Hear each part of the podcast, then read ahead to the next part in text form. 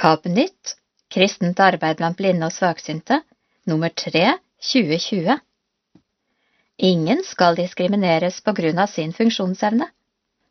Tekst Kari Underland. Det at du har en funksjonsnedsettelse, gjør deg ikke til et tragisk offer, men heller ikke til en inspirerende helt. La oss innse at gruppen funksjonshemmede er blitt sett på med fordommer i mange år. Dette sier Gagan Shabra, 34. Han er doktorgradsstipendiat ved Oslo OsloMet og forsker på ungdom med funksjonsnedsettelser og deres møte med diskriminering i arbeidslivet. Selv er han blind og kjenner på kroppen hvordan mange i samfunnet enten snur ryggen til eller representerer tilnærmet fordommer om mennesker med funksjonsnedsettelser. Omkring 17% av befolkningen antas å ha en funksjonsnedsettelse, synlig eller usynlig. Andelen av unge med funksjonsnedsettelser i Norge som er i jobb, ligger bare på 42–45% og stiger ikke. Av gruppen det sammenlignes med, er omkring 75% aktive i arbeidslivet, ifølge Gagarn Shabra. Ableism Jeg er opptatt av ordet ableism, sier han. Ordet kommer fra engelsk og er et uttrykk for den diskrimineringen mange mennesker med nedsatt funksjonsevne møter. Det gjelder diskriminering på grunn av funksjonsevne, synlig eller usynlig. Eksempler på synlig funksjonshemming kan være blindhet eller bruk av rullestol. Usynlig kan være ADHD, angst eller depresjon. Ableism er holdninger som ligger i oss ubevisst. Vi møter mennesker med funksjonsnedsettelser på en annen måte enn vi møter andre. Kanskje med lavere forventninger, fordommer eller med overdreven medfølelse, forklarer Gagan Shabra. Dette handler om vår midlertidige evne til å fungere godt. Lever vi lenge nok, vil nesten alle oppleve nedsatt funksjonsevne. Vi deler samme skjebne, vi som lever på denne planeten. Vi ble født fullstendig hjelpeløse, og vi skal alle dø en gang ofte med en hjelpetrengende periode ved slutten av livet, sier Shabra. Han poengterer at han ser Norge og nordmenn utenfra, ettersom han er født og oppvokst i India. Han undrer seg over det velordnede, universelt utformede norske samfunnet fortsatt har lang vei å gå når det gjelder likestilling. Norge ligger på toppen av FNs levekårsindeks for 2019. Hva er det som gjør at forskjellene ikke er helt utvisket i et land som Norge? Hvorfor lykkes vi ikke? Jeg tror det har å gjøre med vår dualisme. Vi ordner menneskene og setter dem i båser. Hvit, svart, rett, galt, normal, unormal. Hva kan vi gjøre med det? For det første er det viktig at alle lærer et ord som ableism. Da har vi et språk som taler om og bevisstgjør mennesker. Når vi ser et menneske med funksjonsnedsettelse, ser vi den personen, enten som et tragisk offer eller en inspirerende helt. Det er ikke bra. Jeg tenker at vi må se dem på samme nivå som alle andre. Vi må behandle personer med nedsatt funksjonsevne med likeverd, sier han. Ulike stadier. Hva tenker du om å være avhengig av andre? Det er et interessant spørsmål. Jeg tenker at alle er avhengige av andre på forskjellige stadier i livet. Vi definerer ofte personer med nedsatt funksjonsevne som mennesker som er avhengige av andre. Vi er små og hjelpeløse når vi blir født, og når vi blir gamle, blir vi igjen svake og avhengige av andre. Vi er ikke engang oppmerksomme på at vi er avhengige. Om vi ikke er avhengige av personer, er vi kanskje avhengige av systemer, Nav for eksempel. Nå i disse tider mister mange mennesker jobben, de blir permittert. De er avhengige av systemet for å passere gjennom disse vanskelige tidene. Spørsmålet om hvem som er avhengig av, er sammensatt. For eksempel kan noen tenke, du sitter i rullestol, så du er avhengig, men jeg kan jogge og være aktiv, så jeg er ikke avhengig. Jeg mener dette er en lite fruktbar tilnærming. Oss og dem. Hvordan bør vi forholde oss til mennesker som er annerledes enn oss selv? Ikke misforstå meg, jeg elsker Norge og systemene, prosessene og menneskene her. Likevel finner jeg det merkelig at mennesker med funksjonsnedsettelser ikke blir sett på som individuelle mennesker. De blir sett på som medlemmer i gruppen mennesker med funksjonsnedsettelser. Og i det øyeblikket du sier funksjonsnedsettelser, blir det ofte slik at du distanserer deg. Vi skaper disse normene, og du ser disse funksjonshemmede som de andre. Vi ser dem som outsiderne, de marginale, de som ikke er en del av denne normen. I Norge tenker vi at vi må ta vare på deg, vi gir deg de aller beste sosiale tjenestene som verden kan tilby, men vi vil behandle deg gjennom en velferdslinse. Vi vil behandle deg som om du er svakere, mer avhengig, du trenger hjelp. På den annen side har du de inspirerende, utrolige heltene med funksjonsnedsettelser. De klarer alt, fra å vinne olympiske gullmedaljer til å håndtere familie og jobb, og det er ingenting imellom disse ytterpunktene. Jeg tror løsningen er dialog. Det viktigste er å snakke mer om ableism, altså diskriminering på grunn av funksjonsevne. Shabra forteller at han ønsker at denne type diskriminering skal bli like kjent som for eksempel rasisme og metoo-relaterte krenkelser. Han ønsker at abelism skal bli et mye brukt uttrykk i det norske språket og være langt fremme i bevisstheten til hele befolkningen. Mange tror at problemet ikke eksisterer. Det norske samfunnet er veldig høflig og ikke-konfronterende, sier han. Folk stoler på systemene og har ikke lyst til å fornærme andre. Vi ønsker å være respektfulle, men i den prosessen vender vi ofte blikket bort fra diskriminering av mennesker med nedsatt funksjonsevne. Mange ser en annen vei og tror at problemet ikke eksisterer. Er mennesker med funksjonsnedsettelser den største diskriminerte gruppen? Det er i alle fall en diskriminering som har pågått i årtusener. Andre minoritetsgrupper, for eksempel, etniske eller religiøse minoriteter, ønsker vi å hjelpe med en gang. Men når det gjelder en person med ME, angst eller depresjon, har vi lett for bare å si stå på. Problemet er at funksjonshemmingen blir ukomfortabel for andre. Derfor vil jeg ha bevisstheten om at det finnes diskriminering på grunn av funksjonsevne inn i hodene på folk. Engasjement. Jeg vil ikke at mennesker skal være sinte, aggressive eller voldelige, men har stor tro på at hver enkelt person engasjerer seg. Mitt motto er den gylne regel, og jeg er opptatt av å leve og la leve. Jeg håper at mennesker skal være villige til å starte en samtale det er hovedpoenget i dette intervjuet, og det er en viktig forskjell mellom monolog og dialog. Holdningsendringer må komme innenfra når vi får høre andres argumenter og komme med innspill selv. La meg komme med et eksempel til slutt. For 60 år siden ville mange si at en kvinnes plass var i kjøkkenet. Og se hvor vi har kommet i dag. På Oslo Met i avdelingen der jeg jobber, er størstedelen av de ansatte kvinner. Denne likestillingen har vi oppnådd ved at noen lot seg engasjere, de utfordret systemene, skapte forandringer. Nettopp slik må vi jobbe for å få slutt på diskriminering på grunn av funksjonsevne.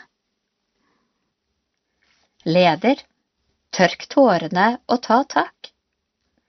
Mange gråt da Birgit Skarstein svingte seg til topps i rullestols første runde av TV 2 Skal vi danse. Noen av oss gråter ofte av TV-konkurranser, men det er en tendens til at funksjonshemmede på TV-skjermen utløser mer tårer. Det så vi da Lars Monsen slepte lamme og blinde opp på Snøhetta i TV-programmet Ingen grenser, og da Tangerudbakken og Dissimilis hadde sin glansperiode. Hva er det med funksjonshemmede som får oss med armer, bein og øyne i behold til å gråte? Er det våre dårlige holdninger vi gråter over? Marianne Knutsen er funksjonshemmet og aktivist. Hun skriver i Aftenposten at hun også gråt. Men det var av glede, fordi Skarsteins deltakelse er et gjennombrudd i funksjonshemmedes likestillingshistorie. Jeg vil bidra til at alle skal tørre å stå frem som de er, både på dansegulvet og i livet.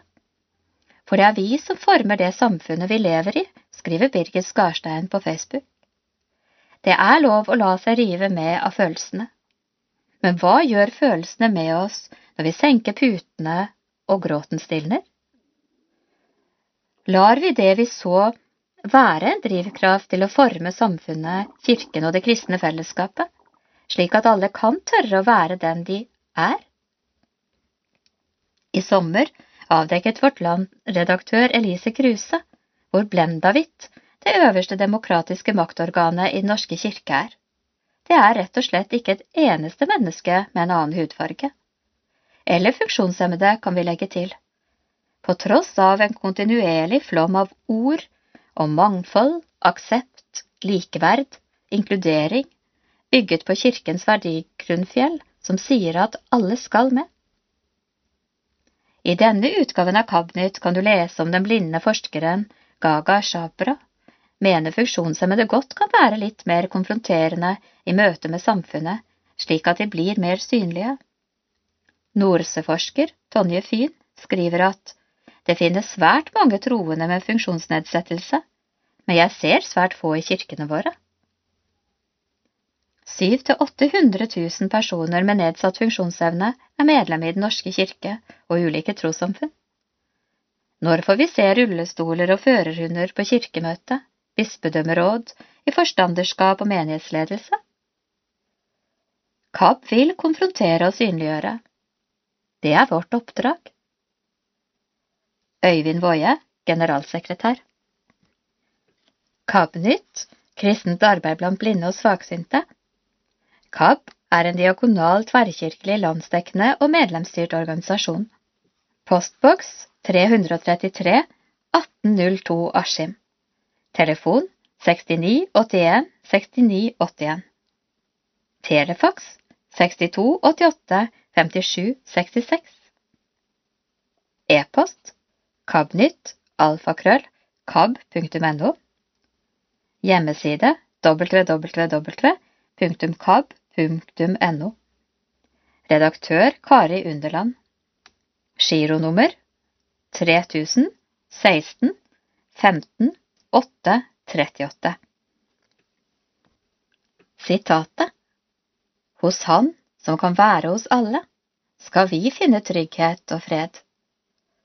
Nå legger vi alt i hans hender. Nå vet vi at han vil gå med. Hans Olav Mørk Nettmøter med lav terskel Annenhver onsdag er det mulig for hvem som helst å delta på lunsjmøte på nett sammen med KABs diakon Hilde Gromstad. Vi fikk signaler om at folk trenger å treffes og snakke om løst og fast, uten et spesielt tema. Derfor er det hyggelig om folk logger seg på og deler sine tanker over kaffekoppen, sier Gromstad. Tilbudet finansieres av Stiftelsen DAM, og link til nettmøtene finnes på kab.no. Fulltegnede kurs på nett Det er flott at så mange har lyst til å delta på nettkursene våre. Om gruppene blir for store, setter vi bare opp en ny kursrekke, sier Frank Tangen i KAB. Han skal sammen med Kari Underland være ansvarlig for kurset Skriv ditt liv i høst. Her blir det satt opp ekstrakurs av stor pågang. I tillegg kjøres kurset Et løft i tankegangen, som tar for seg konstruktiv problemløsning med kursholder Kristin Berg. Det nye testamentet på nynorsk Innlesingen av Det nye testamentet på nynorsk ved Helga Samset er på det nærmeste ferdig. Kun små tekniske tilpassinger for synshemmede brukere gjenstår. Nynorsk Nytestamentet på lyd lanseres på Verdens synsdag 10. oktober. Med blikk for politikk Tekst Berit Lunde Da Jonny Stangeland fikk så dårlig syn at han ikke kunne jobbe lenger, ble han skuffet. Han opplevde at det var lettere å få tilrettelegging som politiker enn som arbeidstaker. Tilretteleggingen på arbeidsplassen ble ikke god nok, men jeg vil ikke svartmale det helt, sier han. I dag er Stangeland aktiv i KrF-politiker og sitter i tillegg i fylkesstyret for Norges Blindeforbund i Rogaland. Det er kjempeviktig å engasjere seg, ikke minst om man har en funksjonshemming.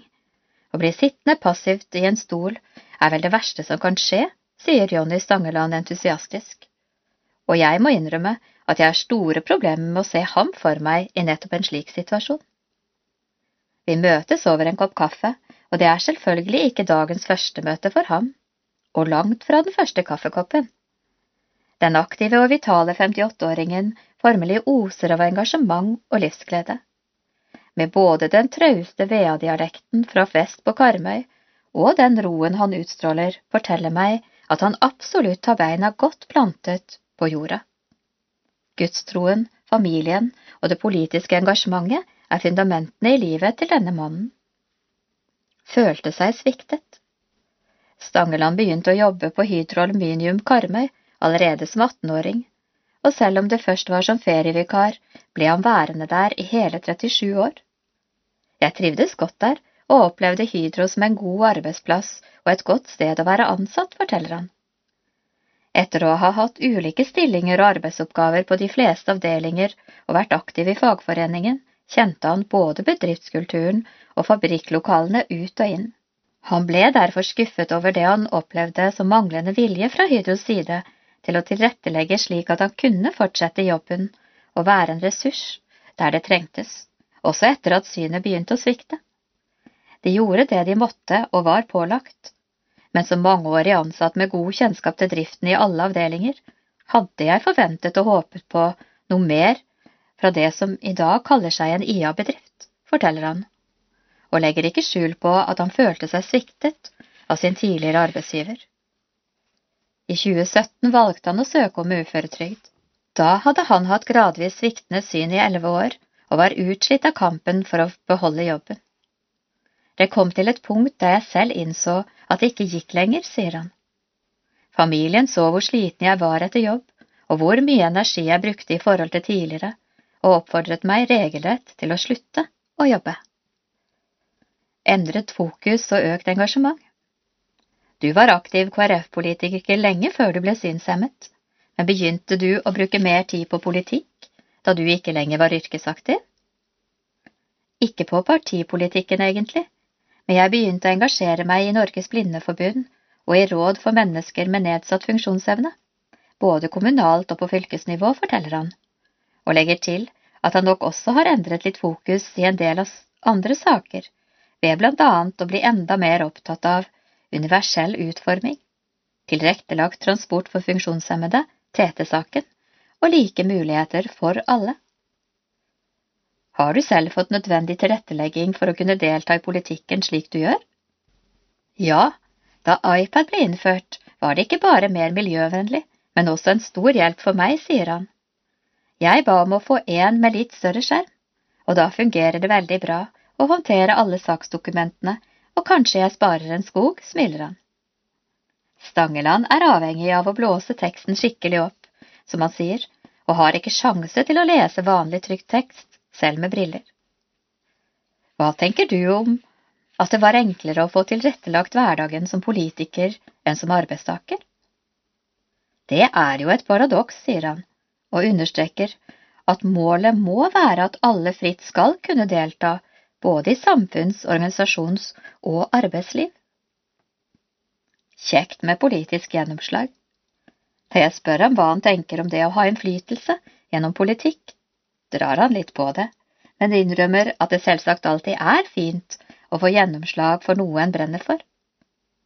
La det bli lys, sa han, med glimt i øyet på et kommunestyremøte for ei tid tilbake, og startet dermed kampen for ei universelt utforma lysløype i sitt nærområde i Veavågen. Lysløypa ble endelig vedtatt i 2020. Det var kjekt å få gjennomslag for den, og for stor vanskelig i Karmøyhallen, for folkehelsa er viktig, og alle bør ha mulighet til å komme seg ut på tur og i aktivitet. Ja, og så har vi fått fredet skolegudstjenestene i Karmøy kommune denne perioden, slik at de i utgangspunktet er obligatoriske, og ikke påmeldingsarrangementer, kommer det entusiastisk, og det er ingen tvil om at også dette har betydd mye for ham. Jeg er også blitt KAB-medlem, for saker om tro og synshemming ligger mitt hjerte nær, sier han. Familien viktig. Det er ikke bare i politikken at Stangeland setter familien høyt, selv om han i løpet av sine tre kommunestyreperioder alltid har brent for barn og unges oppvekstvilkår, og har lang fartstid bak seg i utvalg for oppvekst og kultur i Karmøy kommune. Tre barn og fem barnebarn har det blitt på ham og kona, og to fosterbarn har fått være del av familien som også er aktiv i den frie evangeliske menigheten Troens Ord i Kopervik. Det å være fosterforeldre har vært en viktig samfunns- og livsoppgave for kona og ham. Det er så mye vondt der ute som barn opplever, og vi som har hatt et godt og trygt liv, er knapt i stand til å fatte hva mange barn og unge opplever, sier han ettertenksomt. Samværet med barnebarna betyr enormt mye for Stangeland. Sjuåringen og jeg har for eksempel sesongkort på Haugestund stadion, og prøver så sant det er mulig å få med oss alle fotballkamper FKH spiller. Gutten vet jo at jeg ser litt dårlig, og hvis jeg ikke får med meg helt hva som skjer på banen, forklarer han det gjerne for meg, forteller han stolt. Barnebarn kalles ofte livets dessert, og det er de virkelig, avslutter han. KAB kortreist Tekst Kari Underland Nyheten KAB kortreist er helgesamlinger spredt over hele landet. KAB satser på lokale møteplasser, på hotell. Da koronapandemien satte inn for fullt i vår, ble alle KABs arrangementer avlyst. Vi hadde planlagt alt fra storsamling på Jeløya, familieleir i Vestfold og flere kurs og turer til vårt feriesenter i Spania. Slik ble det ikke dette året. Heldigvis fikk vi muligheten til å søke om midler fra stiftelsen DAN til å lage tilpassede arrangementer for mennesker i sårbare grupper. Det blir i stedet for de vi måtte avlyse. Det gikk med en del arbeidstimer til dokumentasjon og søknadsskriving, men vi fikk lønn for strevet, sier kommunikasjonsrådgiver i KAB, Frank Tangen. Løsningen blir at KAB arrangerer lokale møteplasser sentralt i flere norske byer utover høsten og vinteren. Trygge samlinger vi satser på mindre samlinger på rundt ti deltakere, i tillegg kommer ledsagere og noen fra staben. Det betyr at vi kan arrangere trygge samlinger med god plass, der renhold, matservering og strenge koronatiltak er ivaretatt av hotellene. KAB er også behjelpelig med å finne transport til deltakerne. Egenandelen er lav, og dette burde være svært attraktivt ved samlinger for mennesker som kanskje har følt seg isolert over lengre tid. Ofte hører vi om KAB-venner som er lei seg og savner våre arrangementer, forteller Frank Tangen. Eksklusivt. KAB har valgt å satse på kvalitet. Profesjonell forteller, Helga Samset, som nettopp har lest inn Det nye testamentet på nynorsk, vil ha kveldsforestilling for deltakerne på KAB kortreist. Det blir også mulighet til å lære mer om smarttelefon og tekniske hjelpemidler med Medial-T, som har ekspertise for synshemmede. Programmet blir det samme for alle samlingene. KAB ønsker å være til stede for brukere over hele landet. Det betyr at vi skal ha samlinger i Oslo, Sandefjord, Kristiansand, Stavanger, Trondheim og Narvik eller Bodø, sier Tangen, og legger til at flere av treffene er på vei til å bli fulltegnet. Om du kjenner personer med synsnedsettelser som kunne hatt glede av et slikt treff, er det bare å kontakte KAB på telefon 69 81 69 81 for mer informasjon og påmelding. KAB til trosopplæringskonferansen KABs generalsekretær Øyvind Woie er invitert til å ha innlegg på årets digitale trosopplæringskonferanse 14. oktober. Jeg skal snakke om utenforskap som følge av funksjonsnedsettelse, sier han. Hvordan ser Kirken på mennesker med funksjonsnedsettelser? Kan holdningene føre til ekskludering? Tema for trosopplæringskonferansen 2020 er Mer enn ord. Jeg lytter til Bibelen fra perm til perm. Tekst Kari Underland. Tusen takk for super tilrettelegging. Å lese Bibelen er en utfordrende, oppbyggelig og fin aktivitet i koronatider. Hege Norseth Blikkfelt, 54, er full av lovord om lydbibelen fra Kapp. Det er så fantastisk at jeg bare kan putte minnekortet i min digitale spiller, så fungerer det helt knall å finne kapitler og vers. Frem til nylig var hele Bibelen i punktskrift stått i stua, med alle heftene tar for mye plass, og nå satser Hege på lydutgaven. Noen vil jeg fortsatt lese mellom hendene. Jeg sparer på punktheftene av romerbrevet, Jakobs brev og Johannes' åpenbaring, smiler hun. Indre stemme. Hege jobber i Nav kontaktsenter, hun er gift med Richard og har førerhund junior. De siste ti årene har hun vært aktiv i Vardåsen menighetsråd i Asker. punktbibelen fra 80-tallet, har hun hatt tilgang til hele tiden, men det er først nå hun har satt seg fore å lese alt. Det er akkurat som en indre stemme har bedt meg om å lese hele. Jeg har faktisk gått med litt dårlig samvittighet. Så nå i koronatid bestemte jeg meg. Jeg går til verket. Leste til langt på natt. Hege forteller at i sommer har hun lyttet til Bibelen eller lest som hun selv sier, både ute i solen og i sengen til langt på natt. Selv om jeg brukte nattetimene til å lese Bibelen, fikk jeg på forunderlig vis kraft til å våkne uthvilt neste morgen, forteller hun. I første del av leseprosjektet brukte hun punktskriftutgave. Det var varmt, heftene ble svette ute i sola. Fingertuppene vibrerte når du leser flere hefter i samme økt. Løsningen ble å starte på den nyeste lydutgaven. Jeg skal innrømme at jeg døste meg gjennom Esekiel og Jesaja, og etter hvert fant jeg mine favorittinnlesere. Bibelen er lest inn av Nils Ole Oftebro, Frank Tangen, Magne Bruteig og Birgitte Bjørnstad. Hva betyr det for deg å ha tilgang til Bibelen på lyd? Lydbibelen er et hendig format jeg kan ta med Bibelen overalt. Det er deilig å kunne lese når hendene er slitne. Det er enkelt å finne de ulike bøkene, og så er det en fordel å kunne skumlese ved å hoppe mellom kapitlene. Det eneste jeg har savnet, er muligheten til å søke på underoverskrifter i kapitlene. Støtte fra sognepresten Hender det at du gjør andre ting mens du lytter? Nei, jeg må konsentrere meg fullt og helt om boken. Jeg må det, fordi det er mange tunge uttrykk. Jeg har hatt noen flotte bibelprater med min gode sogneprest, Dag Haaland, i etterkant. Det kan anbefales å ha noen å snakke med om det man leser. Lydbibelen for alle Lydbibelen er ikke bare for Hege som er blind. Folk på farten, ansatte i kirken, dyslektikere, eldre, unge, med eller uten synshemming. Mange kan ha glede av å lytte til Bibelens tekster. Det finnes ulike utgaver som lydfiler, minnekort, strømmeversjoner og CD. Ta gjerne kontakt med KAB for å få informasjon om gode løsninger for deg eller noen du kjenner. Lydbibelen kan bestilles hos KAB, telefon 6981 6981.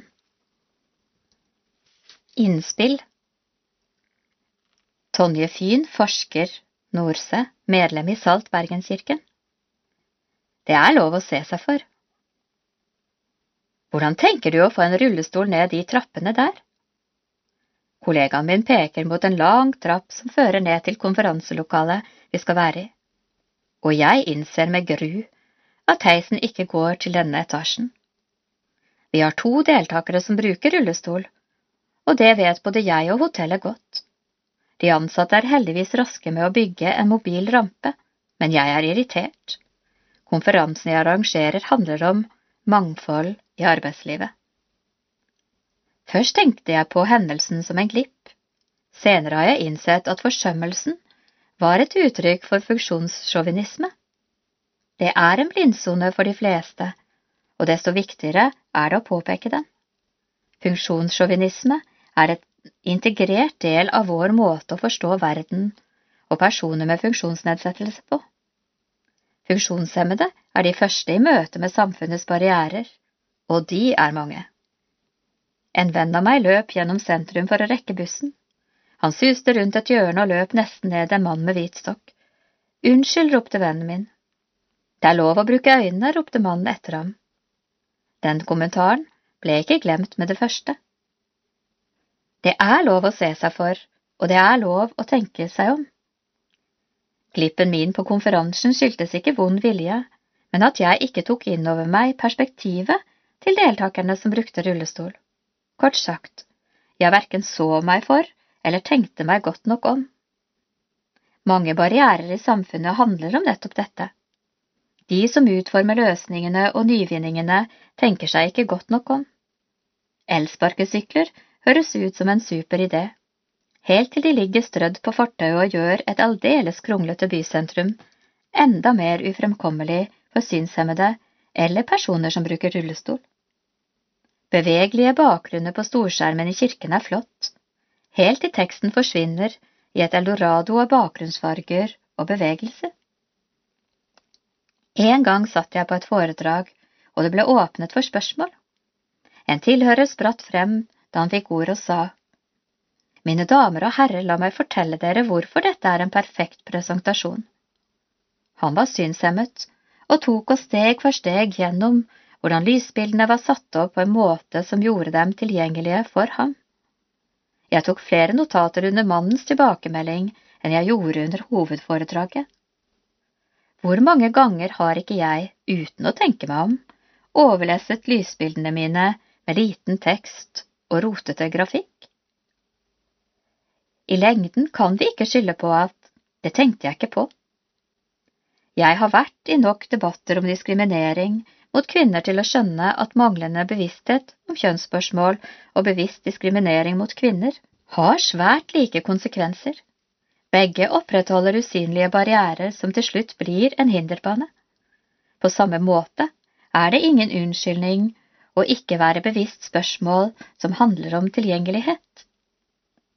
Når Jesus møter den blinde mannen Bartimeus, spør han, Hva vil du jeg skal gjøre for deg? Han antar ikke en masse ting om mannens behov, men går rett til kilden selv for å få vite det.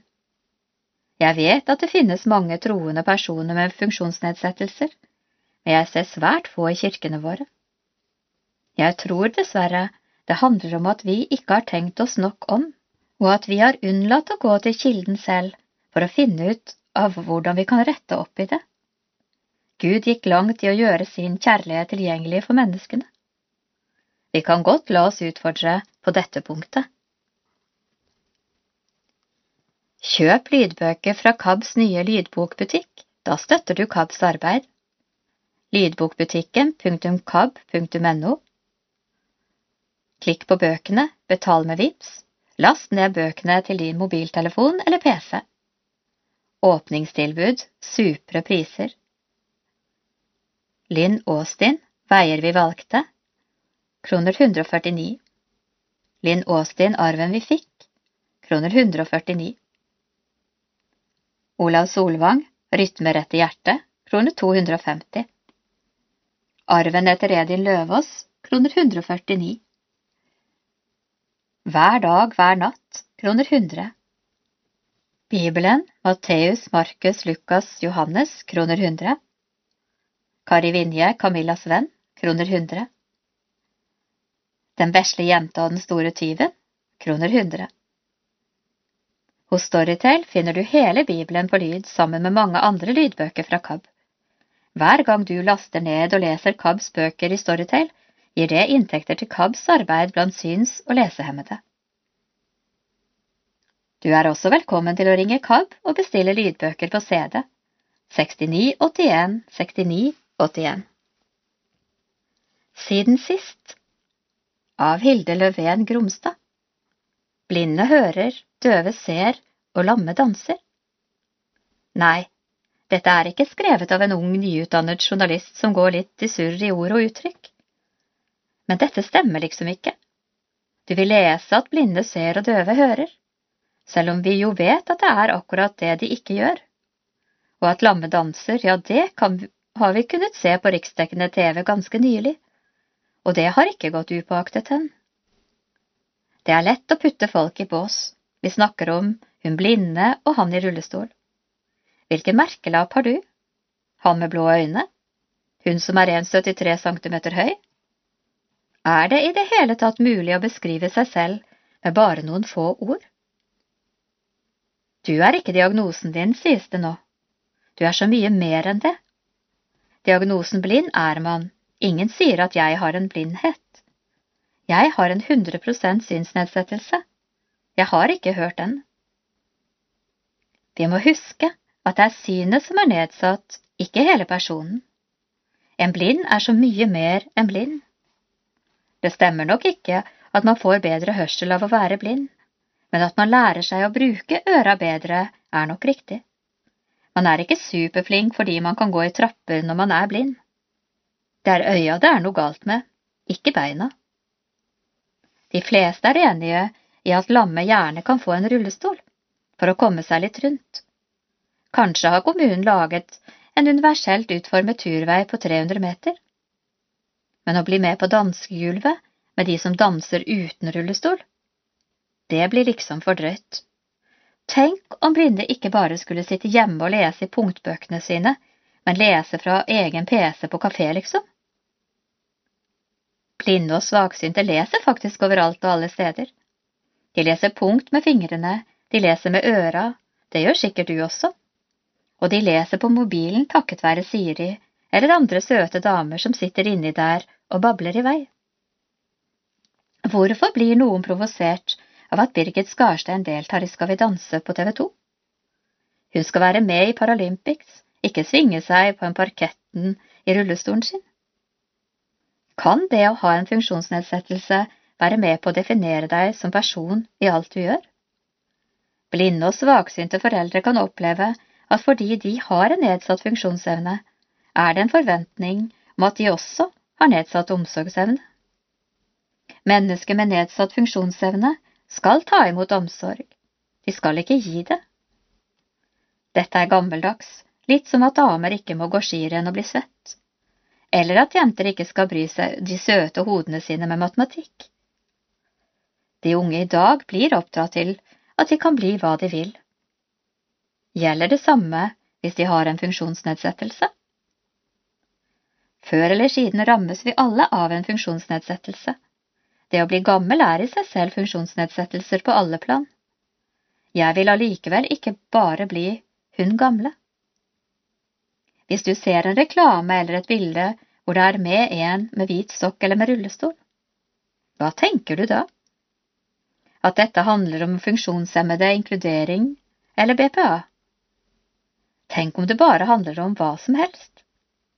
At noen har en funksjonsnedsettelse, er ikke poenget. Ikke et vondt ord om Birgit Skarstein, men blir det stående applaus, tårer og høyeste poengsum for god dansing, eller rullestolen? Det at du har en funksjonsnedsettelse, gjør deg ikke til et tragisk offer, men heller ikke inspirerende helt, sier Gagan Shabra. Det er vel nettopp det vi ser nå.